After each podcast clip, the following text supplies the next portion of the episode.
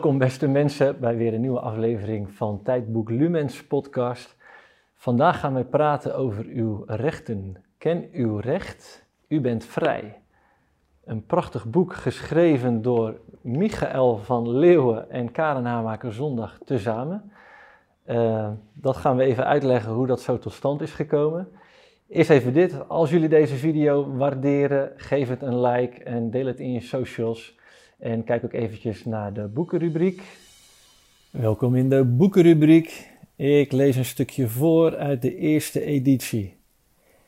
In de laatste eeuwen is het natuurrecht grotendeels vervangen door geschreven wetten. Ze zijn een woordelijke poging om alle mogelijke details in wetten te vatten.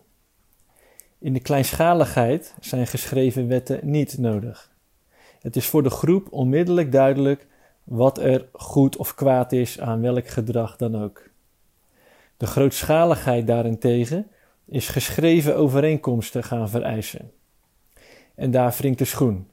Op het moment dat geschreven wetten indruisen tegen wat iedereen aanvoelt als natuurrecht, leidt dat tot sociale spanningen. Dit stukje is geschreven door Dr. Jeff Hoibergs en het artikel heet De Mensenmaat. Dit boek is te bestellen op www.tijdboeklumens.nl en voor nu wens ik je een hele fijne podcast. Nou, we gaan uh, gelijk de diepte in. Uh, ik heb het boek gelezen, ik vond het fantastisch. Als het klopt. Ik denk dat dit een van de belangrijkste boeken van deze tijd kan zijn. Als het klopt. En dus ook vooraf even een disclaimer naar de kijkers. We willen niemand op, het, op een verkeerd pad sturen, of, uh, um, um, maar wel aan het denken zetten. En zeker op een filosofische laag over het rechtensysteem. Um, maar allereerst, uh, Karen, hoe ben jij betrokken geraakt? Hoe is dit tot stand gekomen tussen jullie? Eigenlijk dat ik vanuit de autonomiebeweging die ik aan het bestuderen was en nog steeds ben, mm uh, en vooral ook internationaal, steeds meer begon te zien dat uh, een aantal principes die internationaal qua systeem niet goed zaten, hij begon te zien van uh, dan moet er ook nationaal het een en ander aan de hand zijn. Hoe zit het dan allemaal juridisch in elkaar? En toen ben ik allerlei cursussen gaan volgen, lezingen. Ik ben ook langs Michael geweest, uit lezingen van Michael. En Michael die wordt de nestor gezien van uh, zeg maar het, het, het, vrijheidsdenken op rechtsgebied in Nederland, als ik het maar even zo kort samenvat. En, en dus ik ben op een gegeven moment, uh, ik kwam helemaal enthousiast van lezingen terug, denk ik van, voor, ma- voor mij klonk dat wat Michael vertelde heel logisch. Maar ik wilde het verder begrijpen, dus ik ben zijn podcast gaan bekijken, ik ben allerlei dingen gaan uittrekken. Ik hou heel erg van systematisch. Dus uh, overal waar hij hetzelfde woord of hetzelfde idee of hetzelfde wetsartikel gebruikt, dat zet ik onder elkaar. En op een gegeven moment had ik zoiets van, ja, dit moet eigenlijk een boek worden. Zo, ja. zoiets, hij, moet het, hij moet een boek schrijven. Dus heb ik hem opgebeld en gezegd van, kan je gewoon, kan, kan hier niet een, een boek van gemaakt worden? Ja.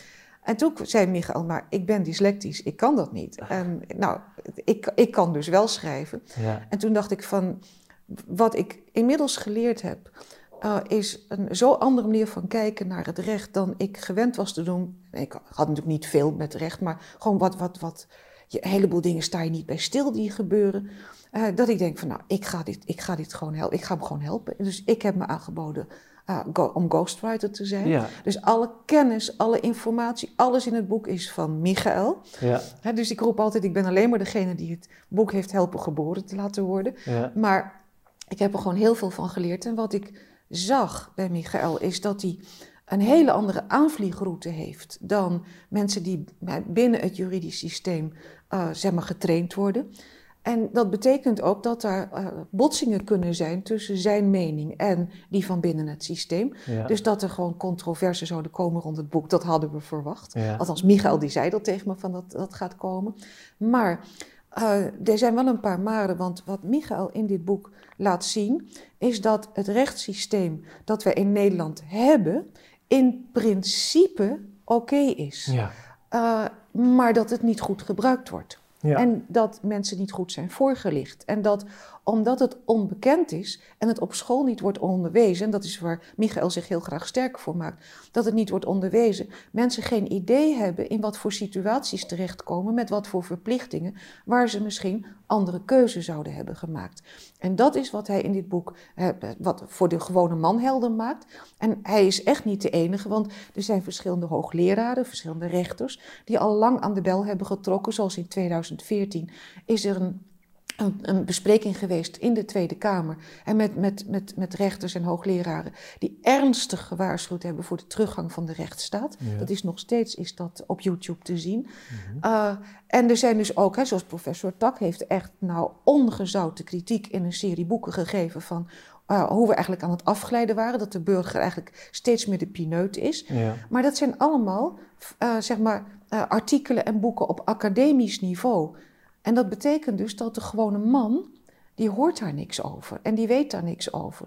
En Michael die probeerde met al zijn lezingen en podcast en, en ook met zijn website dat gat te vullen. Dat de gewone man voorgelicht krijgt van, maar dit staat er in de wet en dat staat er in de wet. En hij heeft een hele uh, onafhankelijke manier van combineren. Ja. Uh, ik heb heel erg veel van hem geleerd over de volgorde van belang van recht, van wat voor wat gaat. Dat is een van de dingen. En bedoel, het boek heet niet voor niks van uh, ken uw rechten, vrijheid is uw recht. Ja. Ik heb ook heel erg van hem geleerd dat jouw wilsverklaring zo ontzettend belangrijk is. Dat het belangrijk is dat jij iets wil en als jij iets niet wil, dat jij niet gedwongen mag worden. En, eh, dus, en dat hele idee van wilsverklaring, er zijn ook weer hoogleraren mee bezig geweest die dat uitleggen. Dat heeft hij heel duidelijk gemaakt als het gaat om contracten aangaan en, en afspraken maken. En ik leerde van hem dat het strafrecht, dat het strafrecht, dat dat eigenlijk het enige, de enige echte wet is. Ja. En dat uh, jij in privé van, daarvan af mag wijken wanneer je in contract gaat met wederzijdse instemming en dus een wederzijdse wilsverklaring. En dat daardoor het burgerlijk wetboek eigenlijk van een ander kaliber is dan het strafrecht. Staat eronder, Die staat eronder. En dat wist ik allemaal niet. En dat eigenlijk de laatst, laagste vorm van recht, dat dat bestuursrecht is. Als je dat, dat systeem gaat zien, hoe dat in elkaar zit. En hoe op een gegeven moment het een iets niet mag, wat het ander wel mag. En dat, is, dat was voor mij een eye-opener. Dus voor mij was het, het was toen ik met die manier van kijken en denken kennis maakte, vielen voor mij een heleboel kwartjes. En zag ik inderdaad dat, uh, ondanks dat je natuurlijk heel veel verplichtingen houdt, je bent in interactie met andere mensen, je, je sluit contracten, je maakt afspraken, zijn allemaal verplichtingen, maar dat je daarbinnen gewoon veel, veel beter kunt zien van, maar wat wil ik nu en wat mag die ander wel en niet, dat maakt Michael heel duidelijk. Yes. Ja, we hebben jou vorig jaar in onze podcast geïnterviewd. Te gek gesprek eh, trouwens. Maar ik weet hoe druk jij bent. En dat jij dan toch je tijd hebt vrijgemaakt om Michael te helpen om dit boek te schrijven. Ja, dat zegt wel wat. Maar als ik je ook zo hoor. Uh, de wet klopt eigenlijk, is eigenlijk heel logisch vanaf het begin af aan. Nou, daar kunnen we straks ook verder op ingaan. Hoe logisch is dat dan? Uh, maar dat het eigenlijk helemaal niet goed wordt toegepast in onze wereld. Ja. En dat is waar Michael zich zo druk over maakt.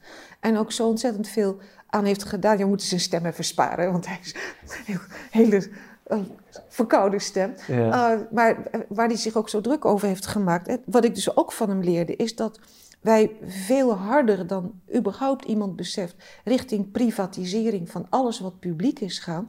Wat betekent dat wij straks als volk heel weinig meer te vertellen hebben. Maar dat, we snappen dat niet als je niet de, de, de symptomen herkent. En die legt hij dus ook uit. Nou, daar haakte ik ook enorm op aan in, in dit boek. Weet je, het geeft de gewone mens een soort stuk gereedschap om onderbouwd nee te zeggen tegen dingen die niet kloppen. Ja. Kijk, gevoelsmatig hebben we allemaal wel iets van, nou, dat klopt niet.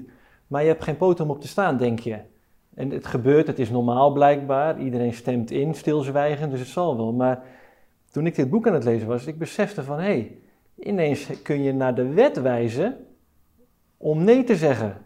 Weet je, en zolang de wet leidend is, dus dat zou dan vraag 1 zijn is de wet leidend? Houden we ons aan de wet? Nou, als dat ja is, nou, daar staat dat eh, ik nee mag zeggen nu.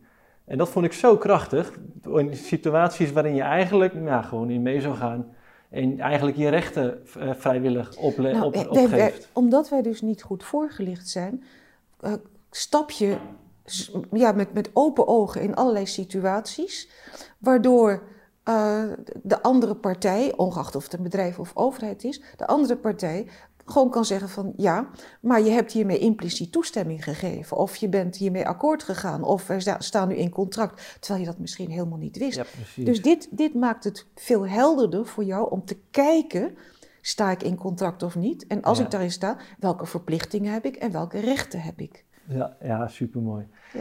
Nou, dan gaan we overschakelen naar eh, Michael, die zijn stem kwijt is in een periode dat iedereen gaat stemmen. Eh, hoe toevallig. Maar eh, Michael, aan jou de vraag, hoe, hoe ben jij hierin terechtgekomen? Waarom ben, ben jij dit op gaan pakken? Want jij bent niet jurist of iets. Eh, nee. Sorry voor mijn stem.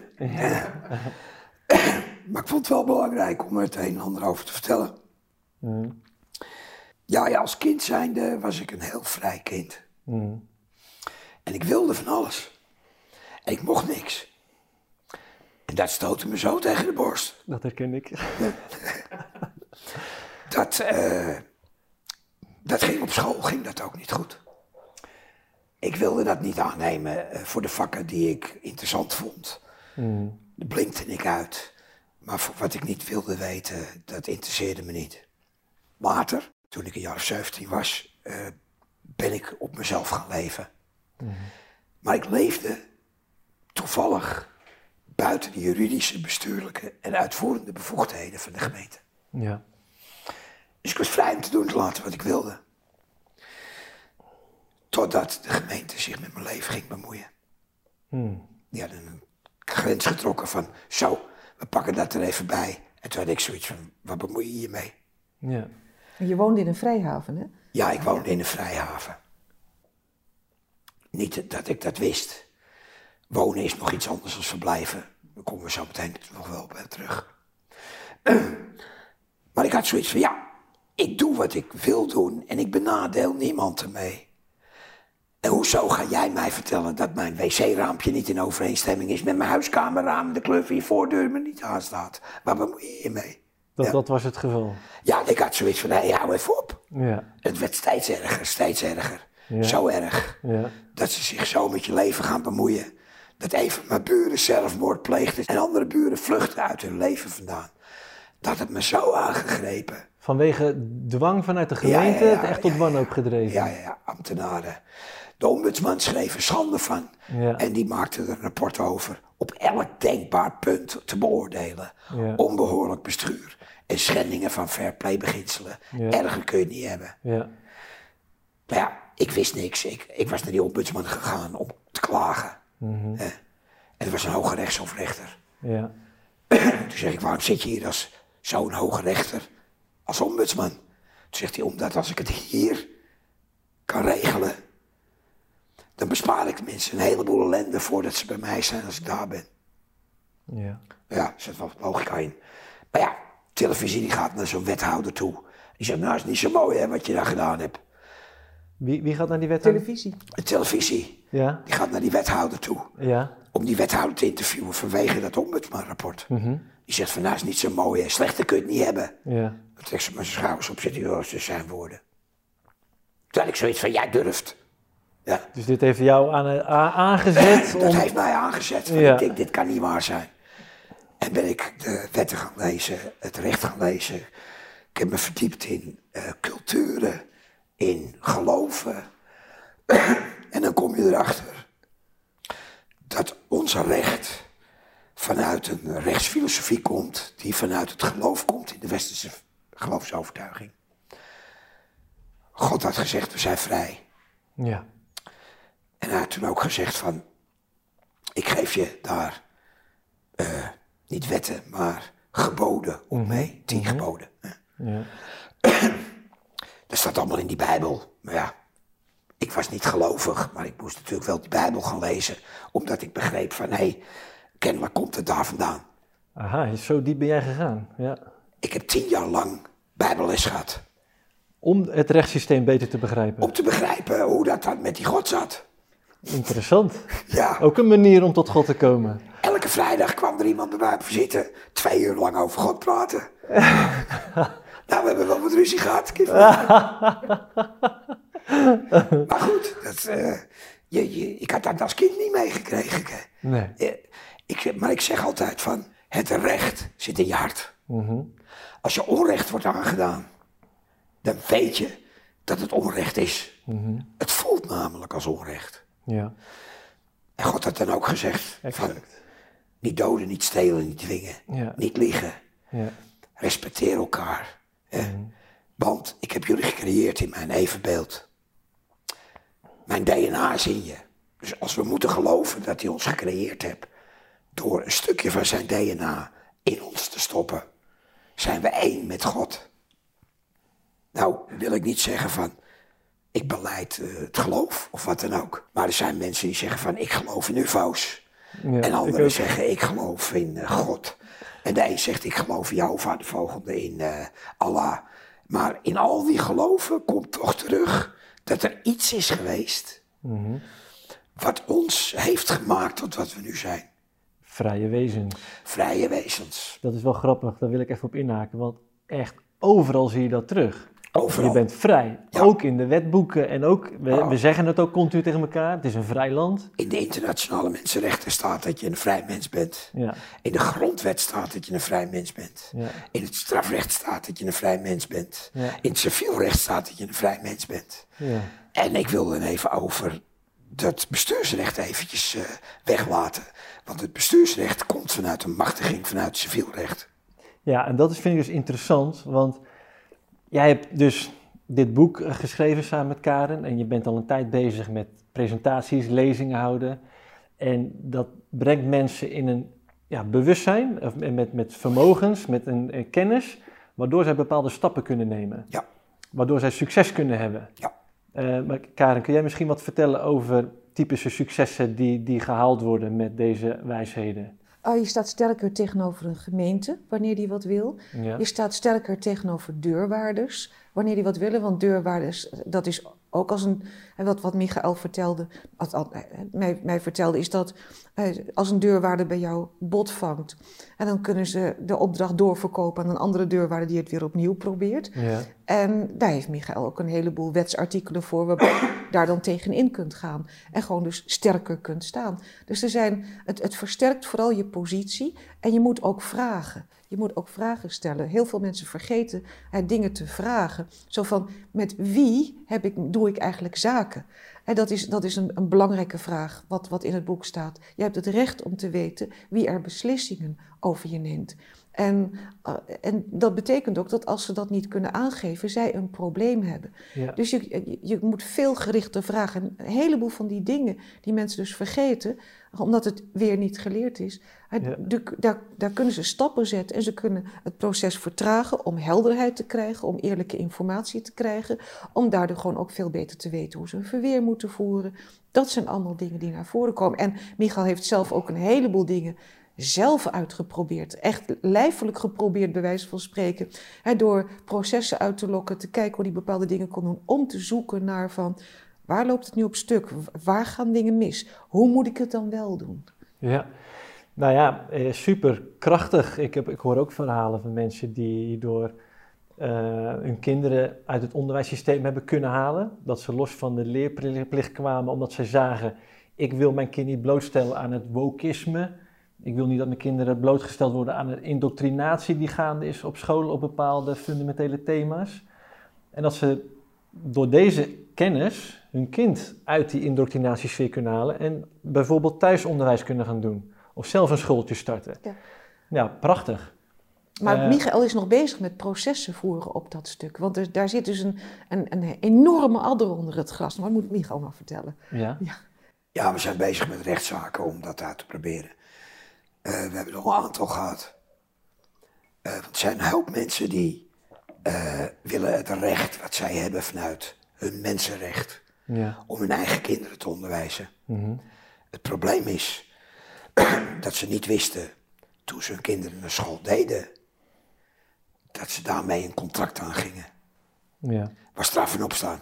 ja, ja, Er is strafrecht en er is bijzonder strafrecht.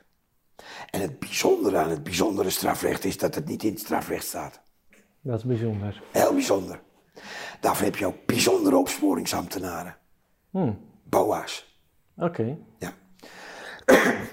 maar het bijzondere aan het bijzonder strafrecht is dat er een overeenkomst aan ten grondslag ligt.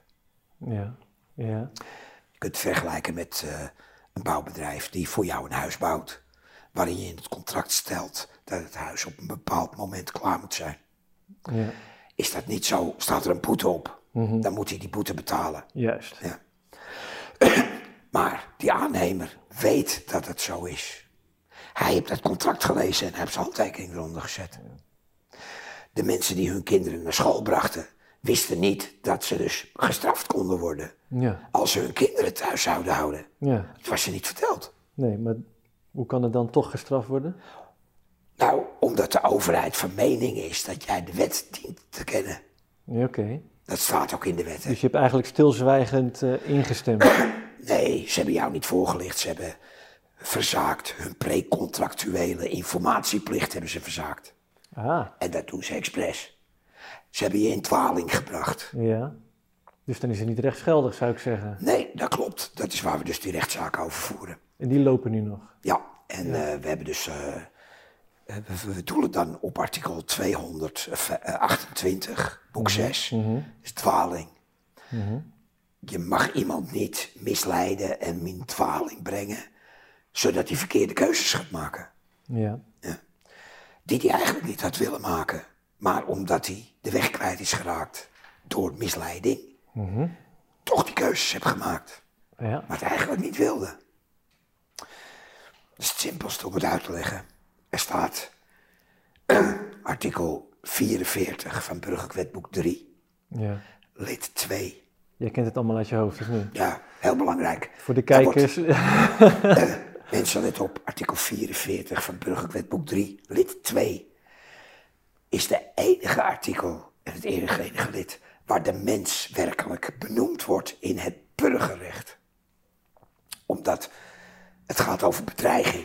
Niemand mag je bedreigen iets te doen. Niemand mag je bedreigen iets niet te doen. En niemand mag je bedreigen die bedreiging te dulden. Dat staat dus in het strafrecht, maar het komt allemaal terug in het burgerrecht. Strafrecht is publiek recht. En burgerrecht is civiel, privaatrecht. Kan we ook nog wat over uitleggen. Maar om terug te komen op jouw vrijheid. Je bent een vrij mens en jouw wil is wet.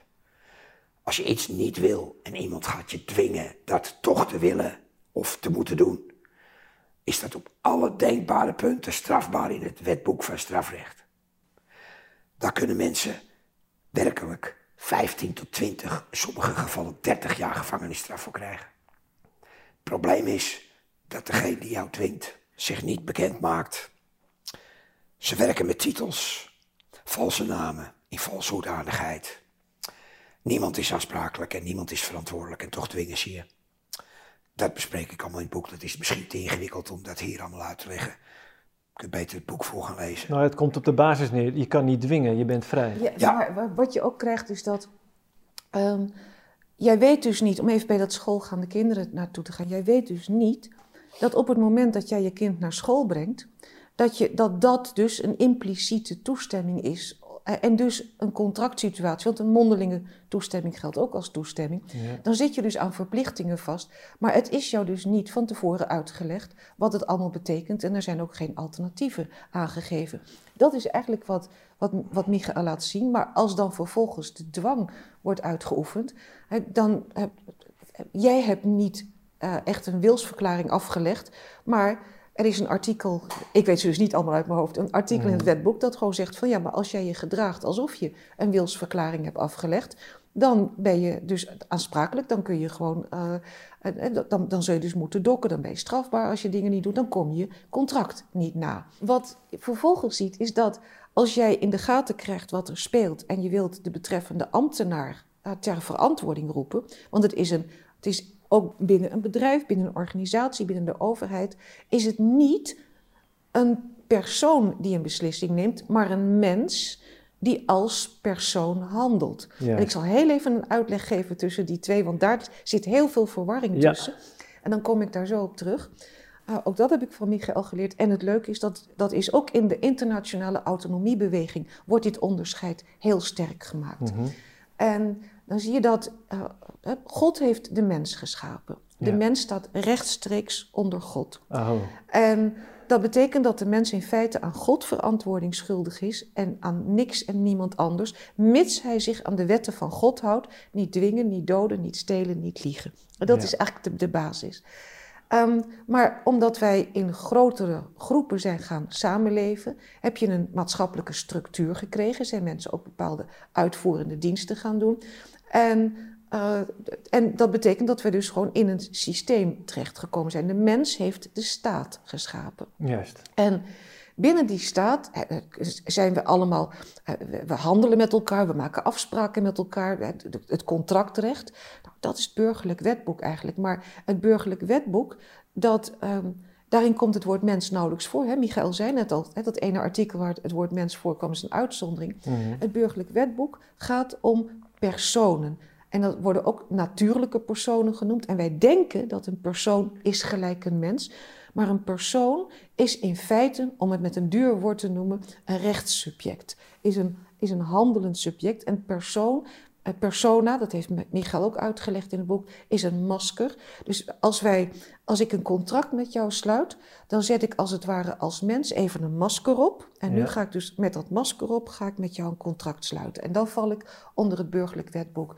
Dus alles wat met persoon te maken heeft, dat staat in het burgerlijk wetboek, maar dat ben jij niet als mens. Dus er wordt een groot verschil gemaakt tussen de mens die helemaal vrij is en alleen onder God staat, en de mens die handelingen verricht, waar verantwoordelijkheden aan zitten, waar, waar gevolgen voor jou en voor anderen aan zitten. En dat is de persoon.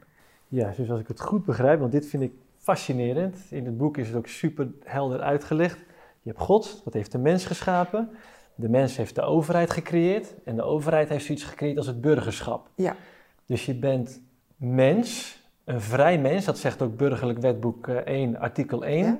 Je bent een vrij mens en je hebt het recht, je bent bevoegd om gebruik te maken van de burgerrechten. Ja. Als je het wil. Als je het wil en niemand kan jou dwingen, want je bent vrij. Ja. Ja, dit vind ik fascinerend. Ja. En dan heb je het kleuterliedje wat je geleerd hebt op kleuterschool. Ja. Drie keer drie is negen en ieder zingt zijn eigen lied. Ja. Ken je dat? Nee, maar wat wil je daarmee zeggen? Ja. Nou, dat is, dat is het enige wat de overheid je hebt geleerd over je recht. Maar ik wil even teruggaan naar uh, die situatie van die scholen. Want Mhm. mm -hmm. daardoor gingen we eventjes uh, een zijpad op. Ja. Van het verschil tussen mens en persoon. Wat je nu ziet is dat een ambtenaar handelt. Hij is een mens, maar hij handelt als een persoon, want hij zit in een systeem. Maar een persoon is een masker en is een juridisch papiertje. Dat is niet een mens van vlees en bloed. Nou, dat papiertje kan geen beslissingen nemen. Nee. Dat kan alleen een mens. Juist, de mens bestuurt het de mens bestuurt, de mens bestuurt de persoon. Alleen een mens kan een beslissing nemen. En de mens kan dat doen uh, uh, in functie van zijn persoon, om het zo maar te zeggen. Ja. Maar dat betekent wel dat als, uh, als een ambtenaar een beslissing neemt, of wie ook een beslissing neemt, die, zoals het heet, rechtsgevolgen voor mij heeft, dus gevolgen heeft voor mij, ook in rechten, Mhm. dan mag ik volgens het, volgens het burgerlijk wetboek vragen wie heeft die beslissing genomen en niet wat. Dus ik vraag niet heeft de gemeente die beslissing genomen of ik vraag ook niet heeft de officier van justitie die beslissing genomen, want dat zijn zogenaamde titels, dat zijn geen mensen. Ja. Ik moet dus vragen wie. Dus is het meneer Jansen. Want je wil altijd weten welk mens bestuurt de Precies, entiteit, precies. de rechtspersoon. Ja. De, En dan ja. mag ik dus ook naar die meneer Jansen gaan en zeggen van u bent verantwoordelijk voor deze beslissing. En uh, waar zit uw machtiging om dit te doen en waarom doet u dat? En, dus ik kan veel gerichter er naartoe. En het probleem is, is dat dus heel veel schrijven van overheden, daar zie je staan in opdracht van, of, uh, Mhm. of alleen maar het, het, het namens, of alleen maar een titel, het de officier van justitie, of nou, noem maar op, de gemeentesecretaris. is dan automa- Maar ja. ja, daar wordt dus niet een mens genoemd, maar volgens de wet heb jij recht om te weten wie. Ja, en- en dat lees en ik dat dus is- in, in ja, het boek, dat dat is- dat helemaal niet rechtsgeldig is als het op die manier verstuurd wordt, Nee. die post. Klopt. Nou, als ik het goed begrijp, dan eh, is er ook de nodige kritiek hè, op jouw werk, op het boek. waaronder de UVRM, de Universele Verklaring van de Rechten van de Mens van de Verenigde Naties. Nou, dat is een verklaring en geen verdrag. Dus wat ik heb begrepen uit kritische hoek, van nou, dat is helemaal niet leidend in Nederland, want het is een verklaring, dat is helemaal geen internationaal verdrag. Waarom stel jij dat het wel leidend is in Nederland en bindend? Um, laat ik om te beginnen stellen dat de mensenrechten de grondslag is van het recht. Mhm. De fundamentele grondslag van het recht. Want alleen een mens kan iets doen of laten. Ja. Hij kan dingen fout doen, strafbaar. Hij kan zakelijk handelen, privaatrechtelijk, in zijn persoon. Dan gaat hij afspraken maken. Maar de fundamenten zijn die mensenrechten, omdat je een vrij mens bent. Uh, alle verdragen worden die universele verklaring van de rechten van die mensen ingenoemd. Ik heb het Oekraïne-verdrag aangehaald in het boek, mhm. omdat er verklaard wordt dat degene die dan toeschrijven op die, uh, niet een verklaring, maar een verdrag, dat zij die mensenrechten dienen te respecteren. Mhm. Als ik in een overeenkomst met jou zeg dat jij je handtekening onderzet, dat jij de mensenrechten dient te respecteren van de UVRM, de Universele Verklaring van de Rechten van de Mens. Ja. En zet je handtekening eronder. Is dat dan een verklaring of is dat dan een verdrag? Ja, want in het Oekraïne-verdrag. Wordt het opgenomen? Staat in de tekst. Ja. Hè, de partijen zijn overeengekomen. Dat, en dan staat dat de UVRM. Die is de grondslag voor zowel binnen- als buitenlands beleid van de partijen. Ja. De grondslag. Ja, daar wordt dan over gebakkeleid. Dat is geen juridisch bindende term. Nee, maar, ja, maar de grondslag van een mens is dat het een vrij mens is. En als je de vrijheid van een mens schendt, ja. is het in. Want de UVR en mensenrechten staan gewoon in het strafrecht en in het civielrecht. Je kunt ze terughalen. Misschien te veel om dat hier te doen, maar dat kun je teruglezen in het boek. En je kunt het zelf ook uit gaan zoeken. Er zijn ook heel veel artikelen van, van de UVRM zijn in welgeldige verdragen opgenomen. Wat direct, ja. ja Dus niet via Oekraïne, maar het is gewoon direct ja. bindend. in allerlei internationale verdragen. Maar ook in de wet. Dus ik bedoel, uh, er staat bijvoorbeeld onder artikel 3 uh, eh, van de UVRM dat jij, dat het jouw persoon is. Ja? Mm -hmm. Je bent vrij mens en hebt recht op jouw persoon. Is het dan een persoon van een ander of is het jouw persoon? Ja. Er staat onder artikel 6, hebben we weer 3, 6, 9, zoals ik het eerst heb uh, gezet. Onder 6 staat dat je met je persoon ja, het recht hebt om daarmee te handelen. Mogen jou niet weigeren. Wat de overheid doet, is je buiten de economische ruimte sluiten. Als je niet in hun registratiesysteem handelt. Daarmee sluiten ze je uit. Mensen die onder de brug zwervers. Ja, geen enkel recht. Het is niet zo. Ieder die zich in Nederland bevindt, niet woont, bevindt, ja. is vrij en bevoegd tot het genot van die burgerrechten. Maar persoonlijke dienstbaarheden, onder welke benaming ook, mogen niet afgedwongen worden. Ja, dus die term grondslag, dat vind ik ook, ja, Kijk, ik ben geen jurist, wij allemaal niet. Maar als ik dat lees met mijn boerenverstand, denk ik, nou, we houden ons aan de UVRM, de Universele Verklaring van de Rechten van de Mens. Dat is leidend en bindend. En dan, Staat gewoon in strafrecht. En hoe logisch is het ook dat dat, ja natuurlijk, want als je dat leest denk je, ja, prachtig, laten we dus zo met elkaar omgaan. Er zijn een heleboel van die artikelen zijn in ons strafrecht, uh, zie je daar weerspiegeld. Je ziet ook het een en ander in het burgerlijk wetboek weerspiegeld. Uh, het Oekraïne-verdrag. Ja, ook in het kiesrecht. Ook het Oekraïne-verdrag laat dat gewoon zien. Er zijn een heleboel UVRM uh, regels zijn opgenomen in uh, andere verdragen, internationale verdragen. En internationale verdragen gaan boven hè, de grondwet. Ja. Dus je, ziet dat eigenlijk die UVRM overal is binnengeslopen. En met, met, met het Oekraïne-verdrag is het eigenlijk weer, heeft het via een achterdeur, ja. heeft het een veel bindender, omdat het een contract is, ja. uh, zeg maar betekenis gekregen. Eén dat probleem, is wat Michael probeert duidelijk te maken. Eén probleem wat hun bedoelen, is dat je kunt je niet beroepen op de mensenrechten. Mm Je kunt je ook niet beroepen op je grondrechten. Mm Omdat in de grondwet staat, artikel 120, dat de rechter niet de wet aan de grondwet mag toetsen. Ja, Ja, maar de toegang tot, dat is tot voor de, mij ook waanzinnig. Ja. Artikel 120. Ja. ja, eh, Je, de, rechter mag 2000. niet aan de grondwet toetsen. Denk ik, dat, dat woordje niet staat daar per ongeluk, denk Ja. ik dan. De, de rechter moet dat juist. Ja. nee, in, eh, ja, hogere Dit rechters. is echt grappig voor de kijkers trouwens, want zoek dit maar op op wetten.nl. Eh, zoek het grond, grondwetartikel Artikel 120. 120. Ja, dat is, dat is echt, eh, ik, ik krijg daar een beetje, en dat, dat soort dingen haak ik af. Van ja, dat rechtersysteem, wat een raar gedoe. Ik, eh, Ja, maar de doe- vraag is, mag de rechter dat toetsen tot 120? Of mag je toetsen na 120? Heb eens tegen een rechter gezegd, bladibladibla, mensenrechten. Zegt hij, ik mag niet toetsen aan de grondwet. En dan zeg ik, waar, hoe komt u daarbij? Zegt hij, artikel 120 van de grondwet. Ja. Ik zeg, oh, dus jij slaat een boek open ergens middenin. En dan zeg je, oh, kijk, hier staat dat ik iets niet mag. Dit is wel heel dus grappig. ik toets aan de grondwet dat ik niet mag toetsen aan de grondwet. Dus wat je zojuist zegt, ik mag niet toetsen aan de grondwet, haal je uit de grondwet. Ja, dus je toetst aan de grondwet om te toetsen dat je niet aan de grondwet mag toetsen. Dit is echt een Kijk, paradox. eventjes, eh, Dit spreekt zichzelf tegen. ja, Dat, dat is... Dus eigenlijk, maar dat is, dat is helemaal waar, want je leest de grondwet en pas als je bij 120 aankomt, en wat belangrijk ontdek is, je dat. En wat belangrijk is, als je het gaat kijken, na 120 komen er nog twee, drie artikelen over rechters. En daarna is het alleen maar de Nederlandse staat. Daarvoor is het allemaal mensenrechten. Ja. Dus tot 120 mag wel degelijk toetsen. Hij mag in bestuursrecht niet kijken van wat erna komt.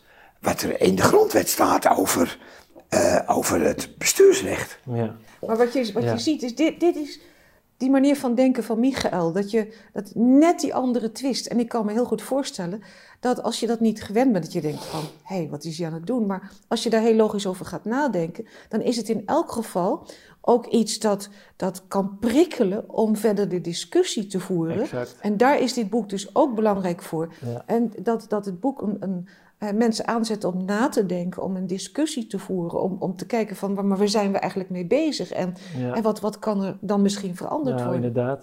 Weet je, je hebt echt een frisse blik nodig Ja. om, om dit op een andere manier te kunnen bekijken.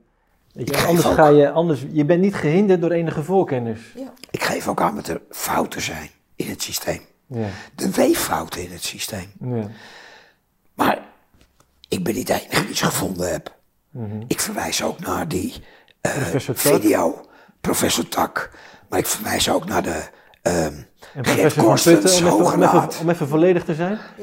Professor Tak en professor van Putten hebben zich beide ook echt al jarenlang uitgesproken over... Zeer sterk. Die, zetten Ja. in, eh, die zaten in een eh, groepje dat heette Herstel de Rechtsstaat. Ja. Ja, Ja, die waren dus eh, bezig om de fouten uit het systeem te halen, zodat de rechtsstaat ook werkelijk in het recht, recht gesproken wordt. ja.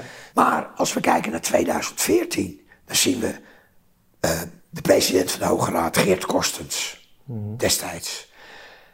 Tjeerd Willink van de Raad van State, hoogste van de rechter van de Raad van State.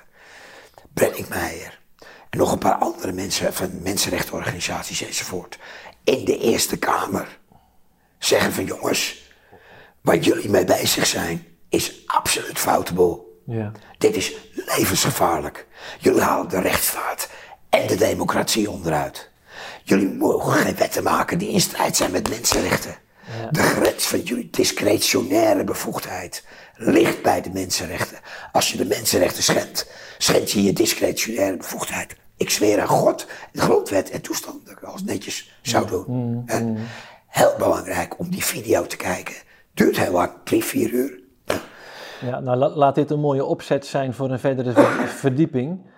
Ehm, hè, er is dus kritiek op het boek, maar ja, dat, hè, dat zal er altijd zijn. Maar eh, de essentie, die blijft voor mij in ieder geval staan.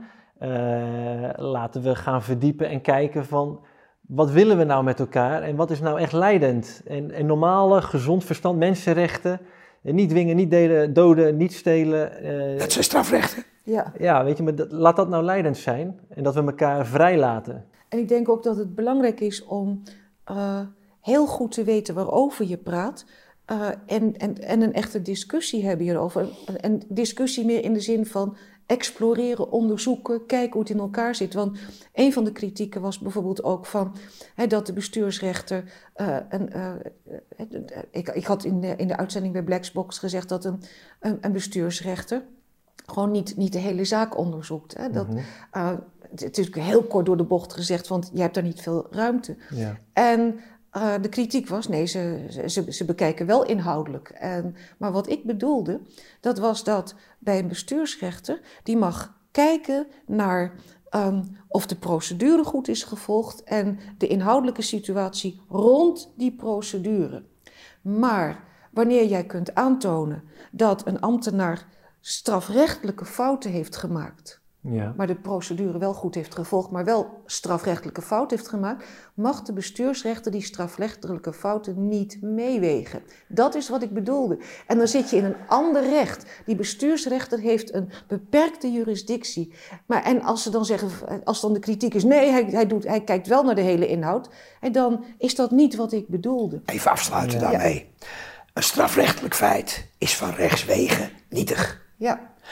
Iemand die strafrechtelijk feit begaat, ja, is direct nietig. kan dus nooit. Nietig, nietig betekent vernietigd, ongeldig. Ja. Als iemand een strafbaar feit pleegt, is, is het niet. Dan is dat feit, dan kan hij zich niet beroepen op een, op een contract. Het is, bijvoorbeeld is het ongeldig. Dus dat is, dat is, dat is nietig. Maar dat gaat even ja. bezijden wat, wat ik net wilde aangeven. Ja, nee, wel, want dat is belangrijk. Ja. Als je tegen die rechter zegt van... deze meneer, want dat heb ik dus gedaan... een belastingambtenaar bij de rechter in het Hoge Hof, met het Hof, is de hogere rechter. Ja. Ik heb gezegd, dit zijn de strafbare feiten die mhm. deze meneer begaat. Mm Ja? Op papier. Bewijsbaar. Mhm. Deze inbreuken op het burgerrecht maakt hij. Ja? ja? Die zijn van rechtswegen nietig en via burgerrecht vernietigbaar. Ik zit hier toch als burger, zeg ik tegen die rechter. Mhm. Ja, zegt die rechter.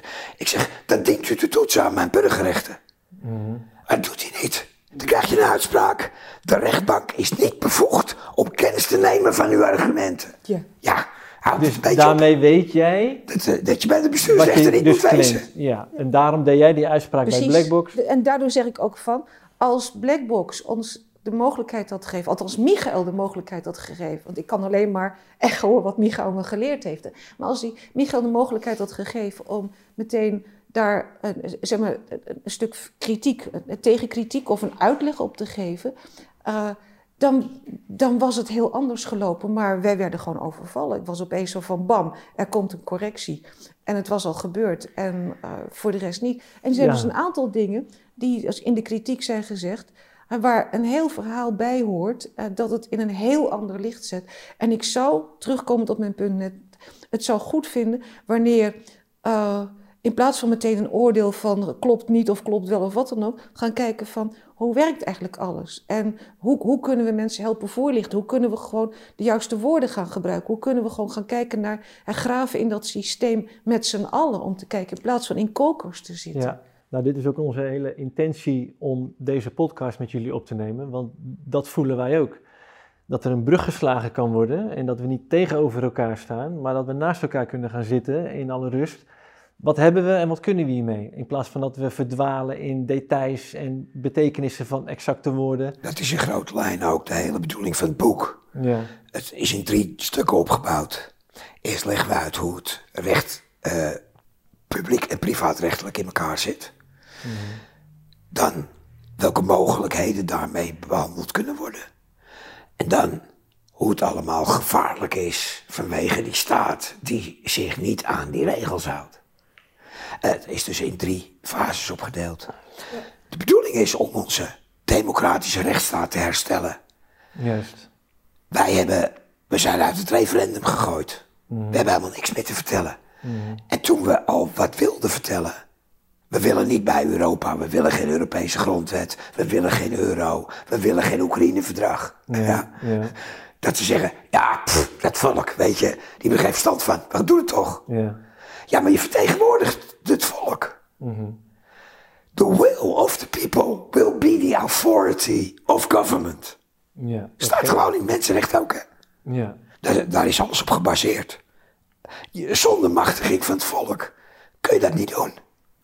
Mhm. Het punt is, is dat het systeem zo werkt dat wij via stemmen een volmacht geven aan een bestuur om contracten te sluiten en beslissingen te nemen. Ja. Maar iedereen aan wie jij een machtiging geeft, die dus in jouw naam handelt, Mhm. kan dingen doen waar jij als machtiginggever uiteindelijk eindverantwoordelijk voor bent. Dat is hetzelfde wat de Belastingdienst zegt van als jij eh, een, een, een accountant je, je, je aangifte laat opmaken en die accountant die sjoemelt, ben ja. jij verantwoordelijk. Dat Ja. is dus hier ook bij. Dat betekent dat dus de regering rechtsgeldige contracten kan sluiten met welke organisatie, ook of het nou het World Economic Forum of wat dan ook is, is. En dat de gevolgen daarvan sowieso altijd op het bord van de burger terechtkomen. En dat kunnen hele grote financiële gevolgen zijn. Dat is eigenlijk eh, waar het op neerkomt. Het betekent dat daar een, een, een groot probleem in het functioneren van het systeem zit. Maar misschien is het ook goed om te zeggen dat wij hebben het niet op school gekregen, maar de ambtenaren hebben het ook niet op school gekregen.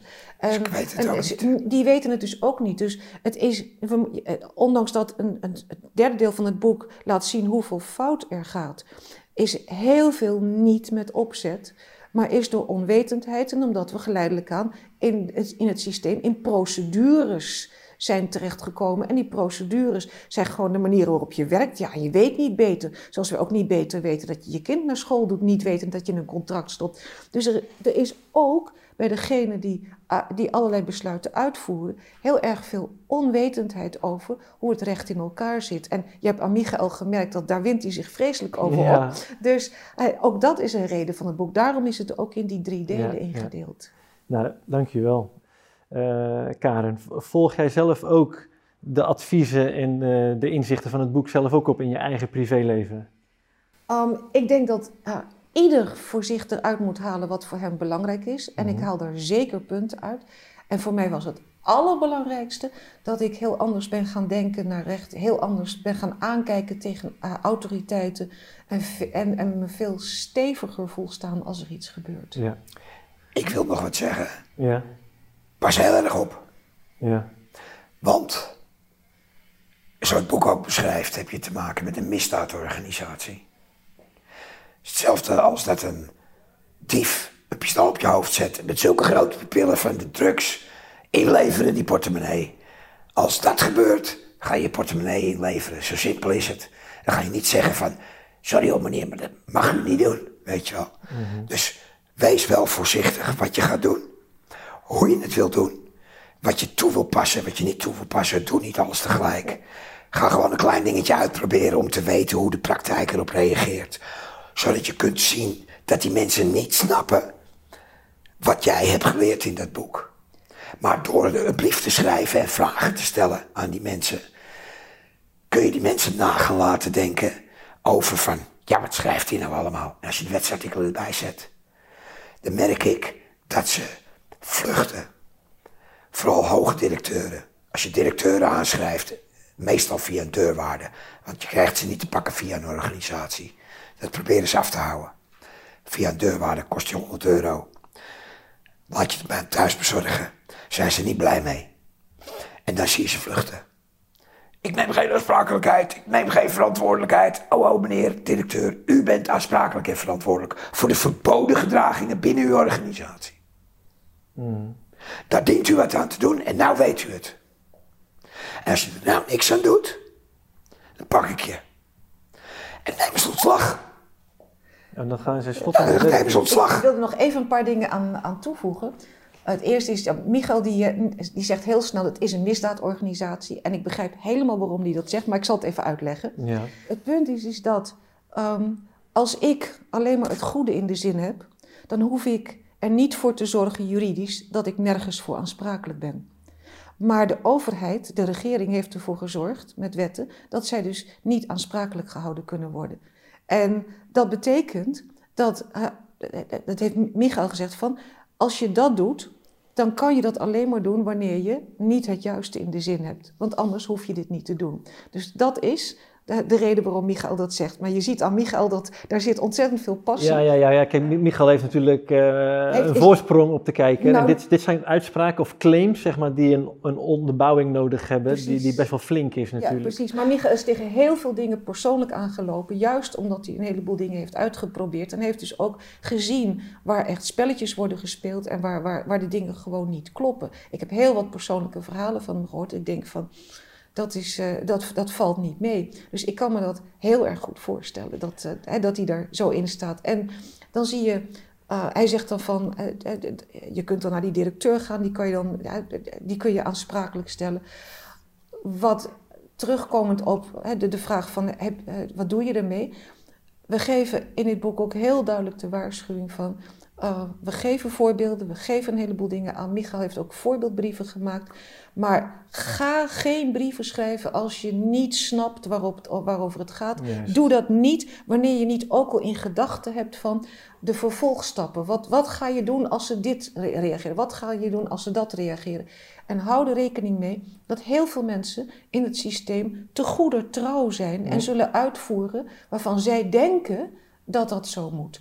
En dat betekent dus ook dat als jij wel in je recht staat op een bepaald punt, maar het systeem vermorselt je, dat je wel te maken krijgt met een inbeslagnaming van je huis en al dat soort dingen. Dus je moet heel erg nuchter en realistisch zijn. Daarom is het zo belangrijk dat heel veel mensen gewoon kennis nemen van de wet en dat er een discussie komt over de vraag van wat is nou de rol van de staat en waar moet alles nu juist aan voldoen? En hoe kunnen we dingen, de uitwassen van het systeem, weer terugbrengen om de rechtsstaat te herstellen? En dat is eigenlijk de grote passie van Michael. Nou goed, laten we het uh, hierbij uh, laten en, en, afronden. Ik uh, dank jullie hartelijk. Het is een pittig thema. Het zijn ook lastige begrippen en ik denk wel dat we hier een aardig fundament hebben neergelegd als filosofie van hé, laten we daar eens op een frisse, nieuwe manier naar kijken. Want ja, we zien ook dat het niet goed gaat, waaronder met de natuur, maar ook met hoe we als mensen onderling uh, met elkaar omgaan. Hè. De, de, harmonie gaat steeds verder uit de samenleving. Maar het recht en de wet zit in principe goed in elkaar. We worden misleid om een andere keus te maken, waardoor we plichten krijgen die we eigenlijk niet willen. Ja, we worden dus uh, in een dwangsysteem gehaald ja. door misleiding. Ja. Mensen moeten kijken of ze die keus kunnen maken. En dan kunnen ze vragen over stellen. Vragen mag. Ja. Simpel. Ja. Blijf vragen en uh, weet waar je het over hebt, in plaats van een paar losse leuzen en dat je dan met een mond vol tanden staat. Ja, nee, je moet wel weten dat je antwoord kunt geven. Wel huiswerk doen en niet zomaar blind het bos ingaan. Nou, beste kijkers, ik hoop dat jullie het hebben overleefd en, uh, en, en, en ja, hebben kunnen bevatten. Uh, nou, we hebben ons best gedaan, want ik voel echt hier, hier zit zo'n krachtige kern in. Nou, om onderbouwd nee te zeggen waar dat uh, van toepassing is. Hè, we hebben gevoelsmatig dan vaak zoiets van, eh, klopt iets niet, maar we kunnen niet duiden, dus laat maar. Nou ja, dit boek kan het wel uh, erg bij ondersteunen. Ik heb vaak ook naar het boek verwezen, er is niet een belangenverstrengeling hier of iets. Wij geven het graag een podium. En ehm, nou, laat het zich verder verspreiden om hier uh, samen over verder te kletsen en uh, om tot consensus te komen. Nou, mochten jullie het hebben uh, kunnen waarderen, geef het een like. op onze website www.tijdboeklumens.nl kun je inschrijven voor de nieuwsbrief en ook een reactie achterlaten. En dat was hem. Tot de volgende keer. Tot sowieso.